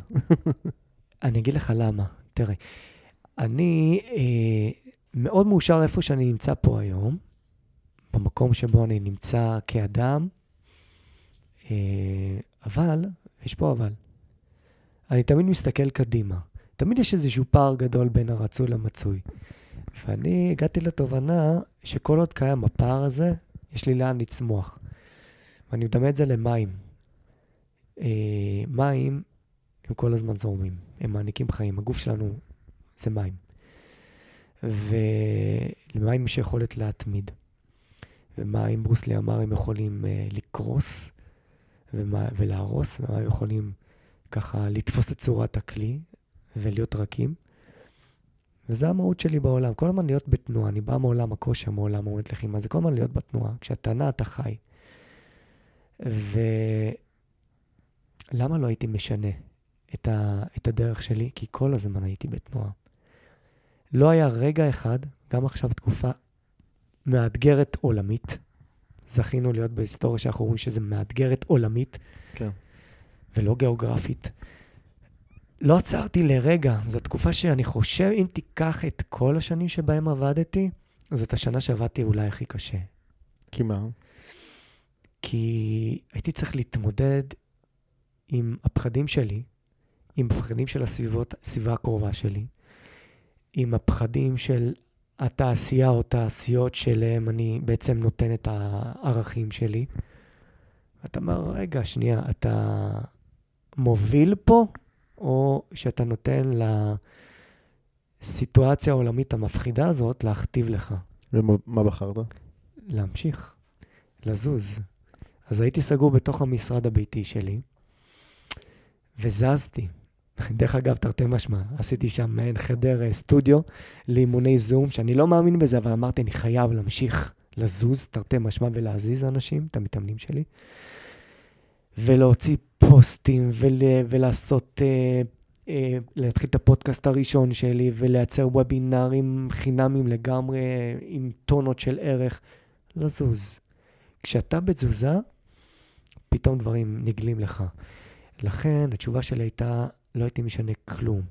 כי כל שלב במהלך החיים שלי, גם עם קשיים שהם אה, גופניים וניתוחים וכל מיני סיפורים ו... שעברתי בדרך, תמיד שמרתי על תנועה, ערן. אדם שלא שומר על תנועה, זה קו ישר באק"ג. לגמרי. דיברת קודם על הפער בין הרצוי למצוי, ואני חושב שבאמת יש איזושהי מיסקונספציה לאנשים לגבי הפער הזה. זאת אומרת, הם מסתכלים על איפה שהם נמצאים מול איפה שהם היו רוצים להיות, ואז הם והם רואים את הפער הזה, והפער הזה הרבה פעמים גורם להם ל... ל, ל אתה יודע, למפח נפש ודיכאון או משהו באזורים האלה. ובעצם הפער הזה, אה, שאגב, הוא תמיד יתקיים, זה לא משנה כמה נשיג וכמה נכבוש וכמה פסגות נטפס, אז תמיד תהיה את הפסגה הבאה, תמיד יהיה את הרצון הבא, תמיד יהיה את הפער הבא. הפער הזה בעצם זה, זה הדבר שגורם לנו לנוע, כאילו, ו, ואנשים חושבים שזה דבר, נקרא לזה רע או, או לא נעים. ההפך, זה משהו שנותן לנו את הדרייב. תראה, אתמול, שבת, קיבלתי הודעת וואטסאפ אנונימית. זה, זה תופעה, אתה יודע, הרבה אנשים ניגשים ישר לשאלות, אתה לא מכיר אותם. רונן, בוא תספר לי איך אני יכולה לסגל לעצמי משמעת עצמית ולהתמיד למטרות שלי. ואני לא מכיר אותה, אני לא יודע מי זו. אמרתי, אוקיי, שבת, מה? רגע, מי זו? והתחלתי לכתוב לה את התשובה, והמשפט הראשון, רגע, בוא תספרי לי איך אנחנו מכירים. ומחקתי. אמרתי, האישה הזאת רצה תשובה לשאלה שלה. והתחלתי לענות לה, והתשובה זה לא להסתכל על התמונה הגדולה. כי הרבה פעמים היא מפחידה. כן, יש אנשים... הפער גדול מדי. מדי, כן, יש אנשים שהתמונה הגדולה מכניסה אותם לסטגנציה, לקיפאון. זה, אתה יודע, יש לנו fight, flight ו freeze. רוב רובם של האנשים, או שהם קופאים, או שהם נסוגים לאחור. מעטים הם אלה, האחוזים הבודדים שמתקדמים. אה, ואמרתי לה, תשמעי, עזבי את המשמעת עצמית, עזבי את החלומות שלך. תסתכלי על הצד הקטן, הקטן ביותר, כמו שמרכיבים פאזל. אתה בוחר לך תמונה אחת שמשכה לך את העין. פינה של הפאזל, אמצע הפאזל, לא משנה עכשיו, יש הרבה אסטרטגיות, לא מעניין. צעד אחד קטן. ותוודאי שאת עושה את הצעד הקטן הזה. שתהיה לך את התמונה הברורה לחלק הקטן הבא. בראש יש לך את התמונה הגדולה, אתה יודע, אנשים היום, יש היום הסדנאות, ולייצר מטרות, ולהגשים חלומות. רוב רובם של האנשים לא מגיעים לכנסים האלה, כי כשהם חושבים על החלום שלהם, הם אומרים, עשור. או שהם לא חושבים עליו, או שהם לא הגדירו לעצמם את החלום שלהם. יש לי, יש לי איזשהו, באחת ההרצאות שלי יש איזשהו קטע שאני שואל את האנשים קונקרטית, למי יש כאן חלום? וזה לא משנה איזה קהל, הסטטיסטיקה היא אותה סטטיסטיקה, בערך חמישה אחוז מהאנשים מצביעים, הרוב לא מצביעים, ואני אומר, מה, כאילו, אתם לא זוכרים לה, איך זה להרים, מה זה חלום, אתם לא יודעים להרים את היד, איפה הבעיה? לא הבנתי. וכן, הם כאילו פעם ראשונה נפגשים עם השאלה הזאת של מה החלום שלי, זאת אומרת, אה, של מעבר, אתה יודע, לעשות את השמונה חמש שלי, או להביא את הפרנסה הביתה, או, או להתקיים, או לשרוד, או לא משנה איזה מילה נשים על זה. הרבה הרבה הרבה מאוד אנשים לא מעיזים לחלום בכלל. זה ממש ככה. אה, ולכן, אותם אנשים שהם הגיעו לסדנאות, אני חושב שהם צריכים לשאול את עצמם שאלה פשוטה. מה הם רוצים להשיג מאותה סדנה? למה הם הגיעו לאותו מקום? מה, מה הדבר הראשון שמשך אותם? מה הלמה, הלמה שלהם שהביא אותם למקום הזה? ואני חושב שלכל אחד יש איזשהו חלום. לדעתי אנשים פשוט חיים באיזושהי הדחקה כי הם נמצאים בתוך המסגרות האלה, המאוד סדורות האלה של אה, אה, תלמד, תהיה לך עבודה, תעשה X ותתקדם בזרם החיים. ו... ולא כולם לוקחים את המשוטים בידיים. ו... ואני חושב שיש אנשים שכן רוצים, אבל אין להם את הביטחון העצמי הזה, כי הם רואים את התמונה שהיא באמת רוצים אותה, אבל היא מאוד מאוד גדולה. אז אני אומר, תתחילו בתמונה הקטנה. תתחילו בחלק אחד, ועוד חלק. אל תרוצו 42-2 ישר, אל תחשבו על המרתון הראשון. כן. תחשבו להקיף את הבניין. שניים, שלושה סיבובים, חמש דקות, תעלו הביתה, ושזה יקרה לפחות כל יום. אז כאילו שלפני אה, משהו כמו תשע שנים, אני חושב שזה היה, שאני התחלתי, החלטתי שאני רוצה להתחיל לרוץ. כן, אני, אני וספורט, אגב, אה, אה, אף פעם לא היינו חברים טובים. זאת אומרת, קצת לא, לא מזמן. אז אתה יודע, אה, עשיתי סדר בדברים ונתקלתי באימא שלי, לא יודע מאיזה סיבה, שאמרה את כל התעודות שלי, של הבית ספר. יש לי את כל התעודות. ומתוך אה, סקרנות התחלתי להסתכל שם, ופחות או יותר די עקבי הייתי ש... הציון הכי נמוך בתעודה באופן עקבי כל השנים, אני מדבר איתך כיתה א' עד י"ב, היה בספורט, כן? תמיד אה, ממש לא, לא אהבתי ולא הבנתי למה, למה לרוץ כשאפשר ללכת. ובשלב, אה, אה, גם באזור גיל 40 זה היה, החלטתי שזהו, אני, אני רוצה להתחיל לרוץ, ולקחתי מאמנת, ולקחתי איזה מאמנת, אתה יודע, מהמשוגעים האלה של איירון מנים, ו- כן. ואולטרה מרתונים וכל מיני כאלה. לא, עד היום לא יודע למה בחרתי במישהי מהעולמות האלה. ואז היא אמרת לי, טוב, מעולה, יאללה, בוא נתחיל, נבנה תוכנית, נתחיל בהתחלה בחמש ועשר, ואז חצי מהרתות, אמרתי לה, עצרי, עצרי, עצרי, עצרי, עצרי, כן. רגע, בואי נעצור, בוא נעשה איזשהו תיאום ציפיות. אני רוצה לרוץ חצי שעה ולהיות מסוגל להישאר בחיים לספר, היא יכולה לקחת אותי לשם? אמרה לי, בטח. אחרי שלושה חודשים זה קרה, ואני מאוד מתחבר למה שאמרת, כאילו, זה, לא תמיד צריך להיות איזושהי מטרה גרנדיוזית ומאוד מאוד מפוצצת, זה צריך להיות אה, משהו קרוב ש, שאפשר לראות אותו גם לפעמים. אני אגיד לך מה חשוב פה. Uh, מעבר ל, לעולם של הספורט, הספורט מבחינתי זה מודל לכל דבר בחיים. לעסק, לקריירה, לזוגיות, להכל. וכשאנשים שמים לעצמם איזשהו יעד מסוים ומסתכלים על היעד, זה טוב, זה נחמד, אני אמרתי להציץ בזה פעם בחודש, שישמור על הכיוון. אבל uh, אתה צריך להתחיל לגבש זהות חדשה. תשאל את עצמך, אני אומר לאנשים, תשאל את עצמך מי אתה רוצה להיות ביום המחר, ותתחיל להתנהג ככה כבר היום. ולא להסתכל על 42 קילומטרים, לא להסתכל על הריצה. תסתכל על להפוך לרץ. זה אומר, ככה, הרבה פעמים אנשים מתחילים... לאיזה בן אדם אתה הופך להיות שמשיג את המטרה הזו? איך, זה, זה בדיוק העניין. ואם אני אחזור עוד פעם לחגורה השחורה, זה לא להיות חגורה שחורה, זה להבין שאתה תלמיד. וגם שתהיה חגורה שחורה, אוקיי, יש עכשיו דנים, כאילו, זה לא נגמר. וזה לא להיות בוגר תואר ראשון, זה מה הפכת להיות בזכות הלימודים. ולא עוד איזה קורס, מה הפכת, מה עשית בזכות הספר הזה, איזה זהות, איזה ערכים ספגת ואתה מטמיע עכשיו בחיים שלך. והרבה פעמים אנשים מתחילים, ולצערי גם אנשי מקצוע לא מבינים את זה. אם נדבר בעולם שלי, עולם האימון הגופני. וזה יכול להיות אנשי מקצוע מדהימים, עם הישגים. לא צריך ל... המטרה היא טובה כדי לשים משהו על השולחן, אבל צריך להתחיל לפתח זהות של אותו אדם. ולעשות את הצעדים האלה שבונים לך את האישיות. זה עוד צעד על המסלול, או עוד הישג, הישג בעסק שלך, עוד נדבך שמקדם אותך להיות uh, בן זוג טוב יותר, או בת זוג טובה יותר. ולא לחפש את החיים המאושרים, החיים הם עכשיו, להתעסק בעכשיו. מה אתה יכול לעשות עכשיו כדי לרדת 30 קילו במשקל, או לעשות את המיליון הראשון? מה אתה יכול לעשות עכשיו?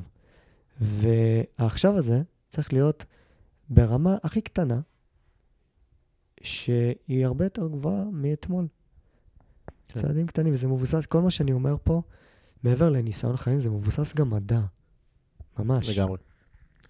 דיברת קודם על הרגלים, אה, שאתה מאוד מאמין בהם וכולי. יש איזשהו הרגל שלך, הרגל יומי נניח, שאתה חושב שיותר מהכל הוא, הוא הדבר עבורך? תראה, אה, אם אני אנתח את ההרגלים שלי, אנשים יחשבו שאני רובוט. אני חי בפטרן, בתבניות כאלה. זה קודם כל השכמה מוקדמת. היום... מה זה מוקדמת? יש היום אה, ספרים ומועדונים. מועדון חמש בבוקר. כן. שאלו אותי לא מזמן בחדר הכושר, תגיד, אתה במועדון של חמש בבוקר? עניתי קצת בציניות למען האמת. אמרתי, אני במועדון שפותח את המועדון ב-20 ל-5. אל תשאל אותי למה 20 ל-5, אני קם 20 ל-5 כבר שנים ארוכות.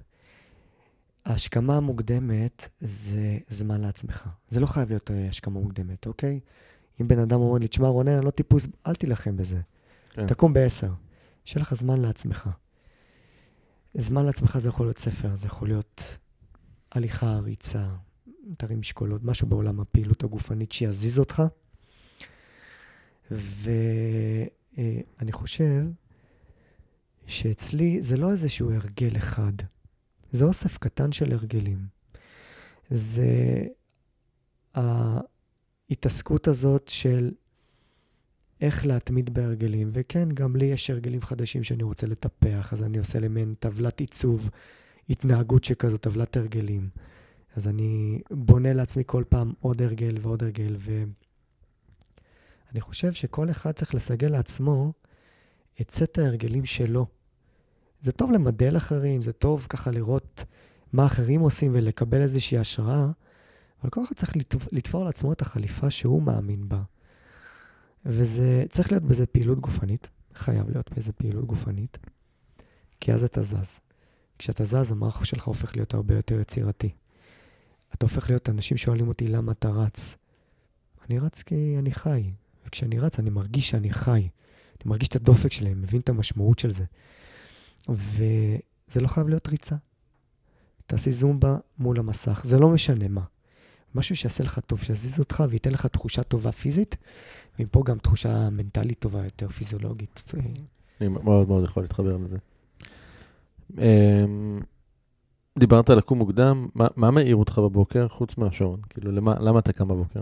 תראה, אתה יודע, אני תמיד שם לי שעון מעורר, ואני תמיד מתעורר לפני השעה. כן, כן, אבל מעבר לשעון, מה, מה מעיר אותך בבוקר? זה יום חדש, זה התחלה חדשה, שממשיכה אה, כמה דברים שתכננתי ערב לפני. אני חושב שגם בוקר טוב מתחיל ערב קודם לפני. אתה צריך ככה להחליט איך ייראה היום למחרת. אני חושב כל יום מוצלח מתחיל בבוקר טוב, וכל בוקר טוב מתחיל ערב לפני. ומה שמעיר אותי זה היעד הבא שלי, המטרות שלי, האישיות שלי, הפרטיות שלי. אם אני בבוקר צריך לקום לריצה, או אה, נשמע טכני, לענות לכמה מיילים שמאוד מאוד חשובים, אז אוקיי, אז אני קם כדי להשיג את המטרות האישיות שלי, הפרטיות שלי, לפני שאני עוזר לאנשים להשיג את המטרות שלהם. אז מה שמעיר אותי מוקדם בבוקר זה הזמן לעצמי. ולפני שהעולם מתעורר, מה הפעולות שאני יכול לעשות כדי שאני ארגיש טוב יותר עם עצמי. וגם בתקופה המאתגרת הזאת, אני חושב שלאנשים קשה, כי הם לא מצליחים למצוא את הזמן לעצמם. כן, מאוד. וזה מה שמעיר אותי. קודם כל... אני חושב שגם יש איזשהו... אה, אה, אתה יודע, אנחנו כבר עוד מעט חוגגים, אם אפשר לקרוא לזה ככה, שנה לקורונה, אבל אה, שזה כאילו... אני חושב שאנשים עוד אה, חיים באיזושהי תפיסה שזה משהו זמני שהולך, וטוב, אוקיי, אז, אז כל עוד זה נמשך, ההפרעה הזאת, אז, אז אני לא יכול להיות, לסגל את, את ההרגלים האלה שלי, ועוד רגע זה ילך, וזה ממש לא הולך לכיוון הזה, זה, זה כאן להישאר, ואם זה לא יהיה COVID-19, זה יהיה COVID-22, או השד יודע מה ימציאו לנו. וזה, וזה בעצם, זו השגרה החדשה, כאילו, עם סגרים ועם מסכות ועם ריחוק ועם כל מיני דברים כאלה, זו השגרה החדשה, ואנשים קצת אולי עוד בהדחקה לגבי הדבר הזה. אנשים תמיד מחכים, מה יהיה כשיגמר? עזוב מה שיגמר, העתיד הוא לא ודאי. שמעתי פעם איזה גורו, סד, סד גורו קוראים כן. לו, הוא מתאר את החוסר שפיות של אנשים, הוא אומר ש... פחד זה סוג של חוש, חוסר שפיות, כי או שאתה נשען על העבר, או שאתה נשען על העתיד, אבל אתה לא יודע מה יהיה נכון. בעתיד, והעבר הוא נגמר, אין. תהיה, כאילו, אתה צריך לחיות עכשיו. זו אחת ההחלטות שלקחתי על עצמי בשלושה, ארבעה ימים של הסגר הראשון. אמרתי, אוקיי, אני חי עכשיו, ועזוב עכשיו תחזיות של שנה קרובה ושלוש שנים, לא רלוונטי, זה מה יש, ומה אני עושה עכשיו כדי להתעלות? ואתה יודע, לא החזקים הם אלה שמצליחים, זה אלה שבעצם מפגיש, מפגינים יצירתיות, ולומדים לחיות עם מה שיש. ומסתגלים. ומסתגלים, ככה האדם שרד. לגמרי. מי האדם שהכי השפיע על החיים שלך? מה למדת ממנו? תראה, אני לא חושב שיש אדם אחד, כי מכל אדם לקחתי משהו, mm-hmm. משהו לדרך. וזה יכול להיות, אה, אפשר לומר, דוד שלי, האח של אימא שלי הקטן, שעיצב אותי מאוד, ונטע בי... מה למדת ממנו? המון, המון ערכים של ביטחון עצמי. ולא משנה אה, מה תעבור בדרך, תאמין בדרך שלך. וסל מיומנויות של אה, תקשורת מול אנשים ובסיטואציות מאוד מאוד מאתגרות, שרוב האנשים לא חווים אותם ביום-יום. אני מדבר על מאתגרות חברתיות. גדלתי ב, בסיטואציות לא, לא הכי נעימות, עם סביבה שהיא לפעמים גם מסוכנת. אז uh, לשרוד במלוא מובן המילה, אוקיי? ומהמורה שלי, מהמורת לחימה, שלימד אותי דרך ארץ. ואתה לומד במורת לחימה בשיטה שבה אני גדלתי, זה נקרא אייק קרמגה. זה לא, זה לא אומנות לחימה, זה אומנות קרב. זה, אתה לומד מיומנויות שמלמדות אותך איך לקחת חיים בכלום, במאות שנייה. אבל מה שאתה לומד על המזרון, זה לא איך לקחת חיים, זה איך להציל, זה איך לנטרל איומים, ואיך לשמור על הסביבה שלך, ואיך להימנע מהאלימות לפני שהיא התחילה. ו... וזה הרבה, הרבה כלים שאתה צובר במערך החיים, ומספרים. ומאדם יקר שלפני כמה שנים עברתי איתו תהליך, אמיר דרורי, אתה מכיר אותו, איש מיוחד מאוד, שנתן לי להסתכל על העולם שלי מהצד. לימד אותי להסתכל על עצמי מהצד ולבחון מה עובד טוב ומה עובד פחות טוב. ולעבוד בניתוק מהתוצאות, הוא כל הזמן חזר על הדבר הזה. ויש לי איזשהו אבא עשיר, חבר טוב, שאני נפגש איתו פעם ב... לשיחה שמשנה לי הרבה סיפורים פנימיים. אז אני חושב שלמדתי לאמץ לעצמי מורים. גם אם זה מורים וירטואליים, זה יכול להיות ספר, כמו שאמרתי, וזה גם החוויות שלי, אני כל הזמן עושה רפלקציה. למדתי בתואר ראשון לחינוך גופני, שאחרי כל שיעור שאתה מעביר עם הילדים, תעצור ותעשה רפלקציה. תסתכל לאחורה מתחילת השיעור ותבחן את הנקודות הטובות ונקודות הפחות טובות, ומשם תתקדם. וכל הזמן תשפר, זה הקריזן היפני כן. והמוכר. ואז מכל מקום, למה אמרתי שאני תלמיד נצחי? ואני מכל דבר, אני כמו ספוג כזה. ואני מנסה להוציא את הדברים שאני יכול לאמץ אותם לדרך שלי, ולימים זה הופך להיות גם כלים, לעזור לאנשים אחרים. הזכרת ספרים, יש איזה, ושאתה גם קורא, יש איזשהו ספר שככה הכי השפיע עליך? תראה, אתה יודע, אתה שאלת אותי את השאלה הזאת בהכנה לפודקאסט, כן. וזאת שאלה מעניינת. ו... מרשה לך גם שניים. כן, אה, תראה, יש כמה ספרים. יש ספר שנקרא ספר התשובה של ג'ון אסרף, שהופיע לראשונה בספר הסוד. ומה שסקרן אותי, מה שעניין אותי בספר, תראה, אני לקחתי ממנו אה, מיומנויות פרקטיות. קוראים היום הרבה ספרים על שיווק ועל מכירה והעצמה, ומה שאהבתי אצל ג'ון אסרף, שהוא ממזג מעט מעולם המדע. אני מאוד evidence base, מאוד, אה, אני בא מעולם אקדמי, אני מרצה עשר שנים בבית ספר למאמנים, מכשיר מאמנים, כל מילה שיוצאת לי מהפה, אני בדקתי אם מישהו חקר אותה. מצד שני, אני גם uh, result base, אדם שמבוסס ניסיון, לא רק uh, מדע. בסוף מחקר נעשה על ידי ניסיון בשטח. והוא ממזג בספר הזה קצת מהמדע, קצת מהרוח, קצת מעולם העסקים, קצת מעולם הפיזי, מהעולם המנטלי. ומאוד התחברתי לדברים שלו, כאילו, walk the walk, אחד שעושה. ו... אני מאוד מאוד מתחבר להמלצה, יש uh, ספר מצוין, יש גם, כשהוא יצא לאור פה בישראל, אז קיימתי איתו ראיון על הספר הזה, זה עוד קיים, הקשבתי, ב... הקשבתי. עוד קיים באתר, אפשר לשמוע אותו, כן. כן, זה, רעיון מרתק. אתה יודע מה, ערן? אני הקשבתי לרעיון הזה לפני ריצה, החלטתי לראות יש איזו ביצה מאוד מאוד יפה, עכשיו שווה לבקר, אנחנו תיירות, אה, ליד חדרה, פארק השרון. עמדתי עם הרכב ואמרתי, אוקיי, באיזה שביל אני בוחר כדי לא להיכנס uh, בבוץ בזמן הריצה, והקשבתי לרעיון שלך איתו לפני הריצה. ולא הבאתי את האוזניות כדי להמשיך לתוך הריצה. אני בריצות שלי מקשיב לפודקאסטים, כאילו, אני לא מקשיב כן. למוזיקה, או שאני מקשיב לעצמי. ו, ואני זוכר את הרעיון הזה, ממש. אני זוכר את הרעיון שלך איתו, זה אחרי שקראתי את הספר, ואמרתי, וואו, כאילו, איש מיוחד. אז זה הספר שלו, של ג'ון אסרף, שהספר נקרא התשובה, וזה נשמע די בנאלי לקהל ישראלי, מה התשובה עכשיו? כן. הוא גם מעוצב כזה רוחני.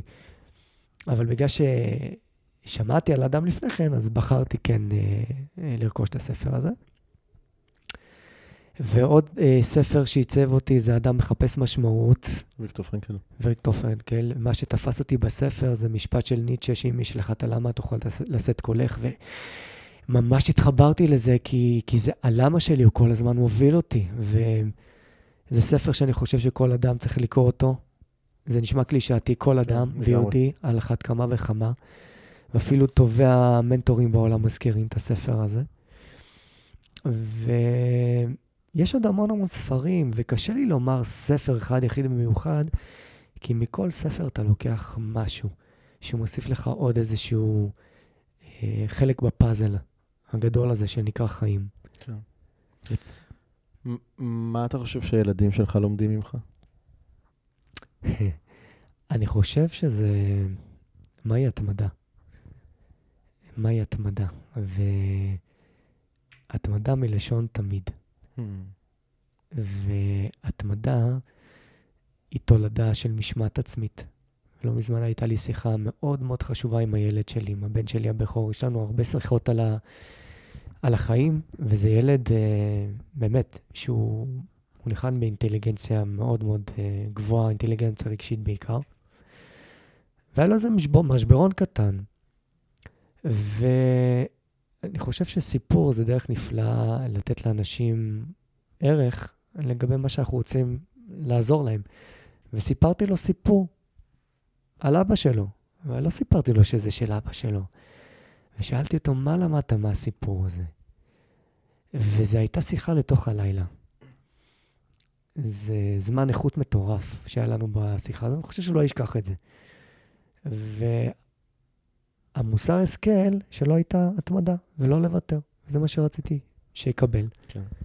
אחרי זה, אחרי כמה שאלות, עכשיו, הבן שלי הוא אחד ששואל שאלות. בן כמה הוא? הוא בקרוב יהיה בגיל 10. זה ילד שפתח קבוצת ריצה בבית ספר ופתח חנות ספרים בבית ספר. זה ילד שאני צריך לעשות אצלו קורסים וסדנאות, מיוחד מאוד. והעניין הוא שהמוסר השכל שלו הייתה התמדה, כי זה מה שרציתי שהוא ישיג מתוך הסיפור הזה, כי היה לו איזשהו משבר של משמעת עצמית. אם הייתי מדבר איתו על המשמעת עצמית שלו, אה, אני חושב שהוא לשנייה אחת לא מקשיב, היה מוכר כן. לי סיפור אחר. והסיפור שנתתי לו, ואחרי זה שהוא גילה שזה אני, שהוא מאוד מעריך אותי כאבא שלו, אני חושב שזה מה שייצר אצלו קווים למשמעת עצמית, כי, כי משמעת עצמית זה תולדה של התמדה. אם הייתי יכול לארגן לך אה, שלט חוצות ענק, ששמים אותו במרכז העולם, ושכל אחד בעולם יכול לראות אותו, מה היית כותב עליו? וואו, זאת שאלה... מרתקת. הדלק שייקח אותך זה האמונה בעצמך. זהו. זה, זה, זה הניצוץ הראשון, תאמין בעצמך. תאמין בעצמך. אתה יכול לחטוף כאפות מכל כיוון בחיים. ואם אתה לא תאמין בעצמך, אם לא תאמין בעצמך, אף אחד לא יעזור לך. נכון שסביבה יכולה לעזור לנו, היא מעצבת אותנו. ונכון שעוד ספר, ועוד קורס, ועוד סדנה, ועוד מאמן, ועוד uh, קילומטר, וכל מה שתבחר מאוד מאוד יכול לעזור, אבל בסופו של דבר, זה אנחנו עם עצמנו. אנחנו צריכים לעשות את הצעד הראשון. אני אומר לסטודנטים שלי, תראו, אתם רוצים עזרה? אין בעיה. תעשו צעד אחד. אני אעשה עבורכם את השניים הנוספים. גם למתאמנים שלי. את צריכה לבוא לאימון הראשון. תבואי לאימון הראשון. אחרי שהיא תבוא לאימון הראשון, היא תבין והיא תגלה דברים שכנראה אף אחד לא, לא גילה לה, שזאתי. כן. לאן מכאן, מה, מה יהיה הדבר הגדול הבא שלך? אני אגיד לך ככה, אני הרבה פעמים חושב על זה, אה, כל פעם אני מגלה עוד איזשהו יעד. אני אסכם לך את זה בצורה אה, פילוסופית משהו. כל מה שעשיתי עד היום, יותר. זה אומר, אני כמאמן, יותר. אני רוצה לאמן יותר, לעשות יותר עם אנשים, כי אני רואה מה זה עושה להם בחיים, זה פשוט מטורף. זה הרבה מעבר ל... להוריד כמה קילוגרמים, לשפר את רמת הסוכר בדם, הרבה מעבר. לעזור למאמנים, מאמני כושר, שלדעתי הם יכולים להיות המובילים בחברה, בכל חברה, כי אני חושב שלעזור לאנשים דרך הגוף מגיעים לנפש, הלמידה שלנו דרך הגוף היא הרבה מגיעים ל mind. אני חושב שאנשים שמגיעים להתמודדות פיזית, אז אתה מגלה את כל האמת המנטלית של האדם, ומשם אפשר לעצב אנשים, ולצערי הרבה מאמנים לא מבינים את זה. אנחנו חושבים שסטים חזרות ועוד דקות לקילומטר באמת ישנו את האנשים, ופה מתחילה להיות הבעיה. אז יותר עבודה עם מאמנים. ויותר אה, ברמה של השפעה, אה, ולתת לאנשים, אתה יודע, אנשים היום מחפשים מוטיבציה. נכון. מוטיבציה זה הניצוץ הראשון, אבל מוטיבציה לא קיימת. היא עוברת למחר כך. מוטיבציה אה, היא לא נעלמת, היא משנה צורה לדחיינות. אה, יש איזה דימוי שאני מאוד אוהב להשתמש בו בהקשר הזה, שזה כמו מדורה, אוקיי? אז מוטיבציה זה האש, והמחויבות או ההתמדה זה... סליחה, המוטיבציה זה האש, והמחויבות או ההתמדה זה העצים. מדהים. זה, זה, אתה יודע, זה הדבר שצריך להחזיק את האש. אתה יודע, דיברנו על ספרים. לא מזמן, ממש, לפני יומיים שלושה סיימתי ספר של uh, הדברים החשובים באמת של uh, חיים שפירא. כן. ספר, uh, לא היה לי פשוט. אבל בסוף הספר, בדפים האחרונים, וואו, היה משפט. הוא דימה שם את האהבה. אהבה, מה זאת אהבה? איך הוא הגדיר את זה? מעניין. ואני לקחתי את זה לעולמות, לעולמות שלי. הנה, אני מראה לך עכשיו כי איך אני מיישם ספר לעולם שלי. אני מדבר היום הרבה על מוטיבציה והרגלים והשראה. אנחנו מביאים אנשים דרך מוטיבציה, אבל בסוף צריך לסגל להם הרגלים. צריך לעשות עבודה. והוא מתאר אהבה, ואני מתאר מוטיבציה בהקבלה לזה, כמו מידה מסוימת של אש ומידה מסוימת של רוח. אש צריכה להיות במידה מסוימת ורוח במידה מסוימת, כי רוח מאוד מאוד חזקה יכולה לכבות את האש. רוח מאוד מאוד חזקה יכולה ללבות את האש. האש צריכה להיות במידה מסוימת בהתאם לרוח, והרוח במידה מסוימת בהתאם לאש.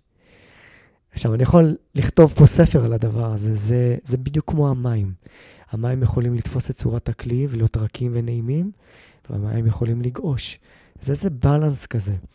והבלנס, אתה צריך להיות, להיות במידת אש כזאת, שכל רוח שתבוא, היא תלבה אותך.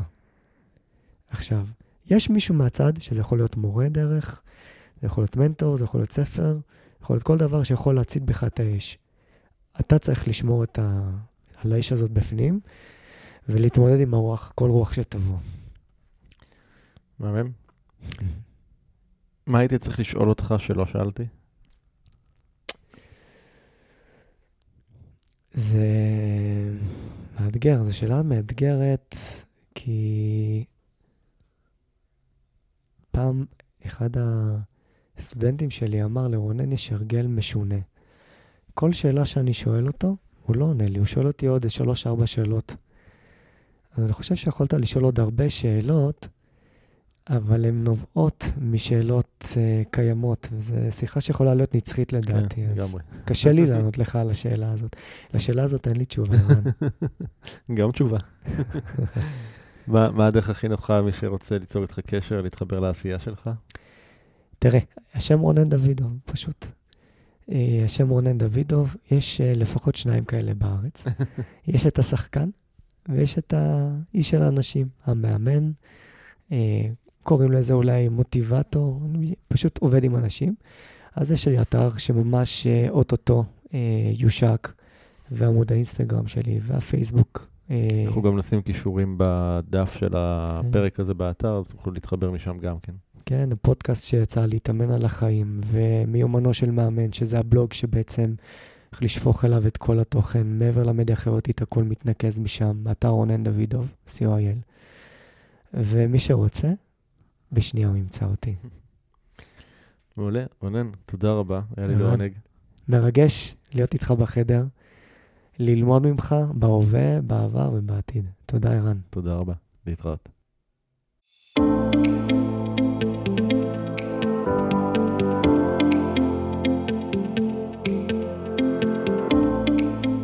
זהו, עד כאן לפרק של היום. אם אהבתם את הפרק, אל תשכחו לדרג את הפודקאסט ב-iTunes, Spotify, Google Podcast, SoundCloud, YouTube או בכל פלטפורמה אחרת שדרכה אתם מאזינים לנו כרגע.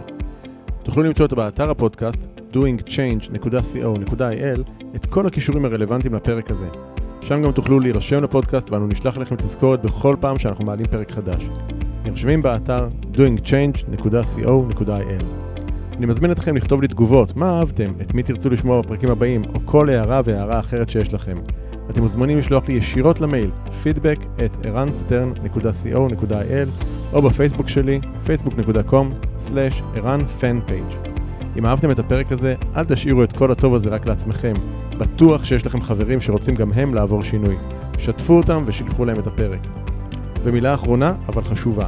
אם קיבלתם השראה מהפודקאסט ואתם מרגישים את השינוי בוער בכם, אם החלטתם שאתם רוצים שינוי ואתם מוכנים לעשות את מה שצריך, ולא את מה שנוח, כדי ליצור את השינוי הזה בחיים שלכם, אני מזמין אתכם לתאם איתנו שיחת בהירות, ללא עלות וללא התחייבות. בשיחה הזו נעזור לכם להתמקד ולהבין כיצד לקדם את השינוי בחייכם. לתיאום השיחה ייכנסו לאתר ערנסטרן.co.il/doingchange ושוב, ערנסטרן.co.il/doingchange אני ערן שטרן, שמח שהאזנתם ונשתמע בפרק הבא.